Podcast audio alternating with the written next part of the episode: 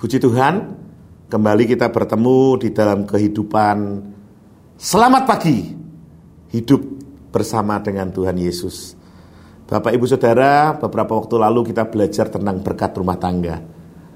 Bagaimana rumah kita menjadi rumah Tuhan, di mana di situ ada berkat-berkat rumah tangga, ada penyembahan, ada pujian yang dinaikkan di dalam kehidupan rumah tangga kita. Hari ini kita akan belajar bersama-sama. Undanglah Tuhan di dalam rumah kita. Undanglah hadirat Tuhan di dalam rumah kita. Biar rumah kita menjadi altar doa. Bapak Ibu Saudara kita buka ada sebuah firman Tuhan 2 Samuel pasal 6. Ayat ini ayat yang sering kita baca ayat 9 sampai 11. Peristiwanya tahu ya Bapak Ibu Saudara. Kalau kita lihat kontekstual atasnya, peristiwa tentang Tuhan menyambar Usa, waktu itu tabut Allah mau dibawa kembali ke Israel. Firman Tuhan katakan Usa disambar Tuhan karena mau menolong waktu itu sebetulnya dengan cara dia, tapi akhirnya Usa mati. Ayat 9. Pada waktu itu Daud menjadi takut kepada Tuhan Lalu katanya, bagaimana tabut Tuhan itu dapat sampai kepadaku? Sebab itu, Daud tidak mau memindahkan tabut Tuhan itu ke tempatnya. Daud takut karena kejadian Usa. Kemudian firman Tuhan katakan, ke kota Daud tetapi Daud menyimpang dan membawanya ke rumah Obed Edom orang Gad itu. Saya ulang. Sebab itu Daud tidak mau memindahkan tabut Tuhan itu ke tempatnya, ke kota Daud. Tetapi Daud menyimpang dan membawanya ke rumah Obed Edom, orang Gad itu. Jadi akhirnya Daud membawa tabut Allah itu karena saking takutnya dititipkan di rumah Obed Edom, orang Gad. Tiga bulan lamanya tiga bulan ramanya, tabut Tuhan itu tinggal di rumah Obed Edom orang Gad itu. Dan Tuhan memberkati Obed Edom dan seisi rumahnya.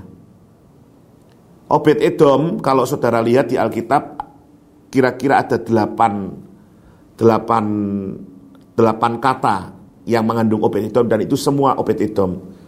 Dalam satu Tawarik 26 ayat 4 sampai 5, Obed Edom itu mempunyai anak-anak Saudara. Ada yang namanya Semaya, Sulung, ada Yusab, Yusab Badat, kemudian Yoah, Sakar, Nathanael, Amiel, Isakar, kemudian Peulete, wah namanya yang angel saudara ya. Dan firman Tuhan katakan Allah memberkati mereka. Saya kira yang diberkati Allah bukan hanya anak-anak Obed Edom. Tetapi firman Tuhan katakan seisi rumahnya di, diberkati Tuhan. Berarti kalau seisi rumahnya, kalau Obed Edom itu memelihara kambing dan domba, berarti kambing dan domba itu diberkati Tuhan beranak-anak saudara. Kambing dombanya mempunyai anak, mempunyai cucu, mempunyai cicit. Ya Tuhan berkati. Kalau Obed Edom mempunyai sapi, sapinya juga diberkati Tuhan. Saya kira Obed Edom bukan hanya diberkati anak-anaknya saja, tapi seluruh yang ada dalam hidupnya diberkati. Kalau dia punya ladang, ladangnya diberkati. Maka kalau dia punya sawah, dia menanam apa pun, tanaman yang dia tanam akan bertumbuh dengan baik dan menghasilkan sesuatu. Dan firman Tuhan katakan selama tiga bulan, saudara, Tiga bulan itu memang waktunya bukan waktu yang lama. Tetapi kalau diberkati Tuhan dalam waktu yang sedemikian saudara, itu berkatnya luar biasa. Pasti, dahsyat Tuhan berkati. Jadi saudara yang kasih dalam Tuhan, kalau berkat Tuhan dicurahkan, hadirat Tuhan ada, tabut Allah ketika ada di rumah Obed Edom, saya yakin dan percaya tabut Allah itu lambang hadirat Allah. Saudara pernah ingat kisah Gideon? Waktu tabut Allah pernah dicuri dulu saudara. Waktu itu zamannya Imam Eli, firman Tuhan berkata, Dagon, saudara, itu jatuh. Hadirat Tuhan bagi orang-orang tidak percaya itu membuat masalah. Kutuk, saudara. Tapi hadirat Tuhan bagi orang-orang yang percaya akan Allah mendatangkan berkat yang luar biasa. Berkatnya apa, saudara? Ketika ada hadirat Allah. Bapak Ibu yang sakit dalam nama Yesus sembuh. Hari ini siapa pun kita, apa pun kondisimu, engkau yang mengalami sakit, ketika hadirat Tuhan ada di dalam hidup keluargamu, maka yang sakit dalam nama Yesus sembuh. Jangankan panu, saudara. Cancer, ginjal, bahkan apa pun juga. Banyak kesaksian yang kita dengar ketika mereka percaya kepada Yesus, maka disembuhkan.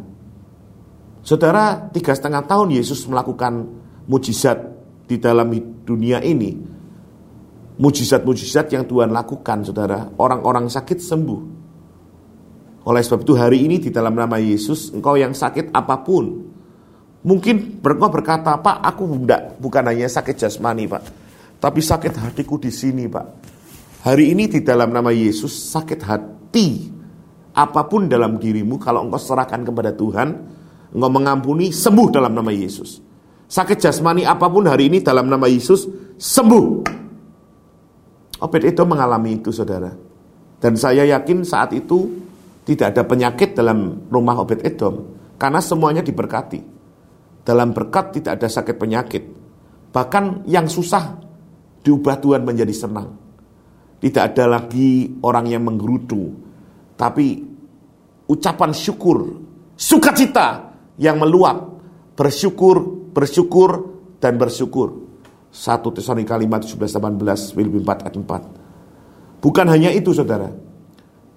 Ketika hadirat Tuhan ada, maka firman Tuhan berkata, yang lemah menjadi kuat. Saudara merasa hari ini, aduh karena pandemik, engkau tidak bisa move on.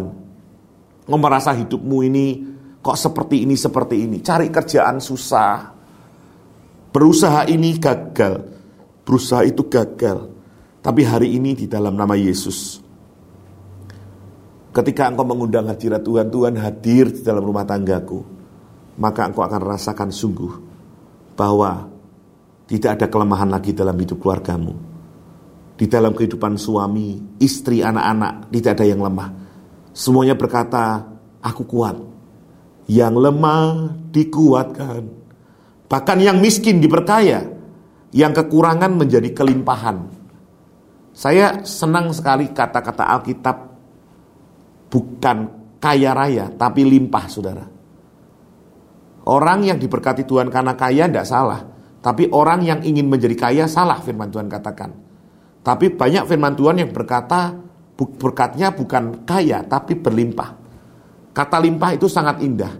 Kalau kata limpah saudara, saya ibaratkan ini sebagai satu minuman, kalau saya berikan air, limpah itu tidak cuma diri sendiri, tapi untuk sekitarnya itu limpah.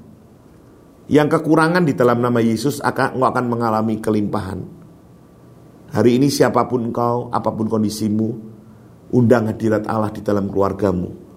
Maka engkau akan rasakan Tuhan bekerja di dalam keluargamu.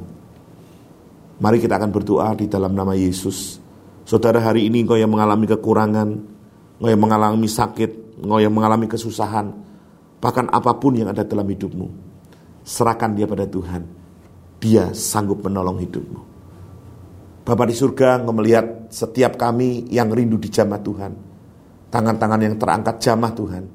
Hari ini di dalam nama Yesus yang sakit sudah sembuh, yang susah diubahkan Tuhan, bahkan yang lemah sudah menjadi kuat yang terbelenggu dilepaskan.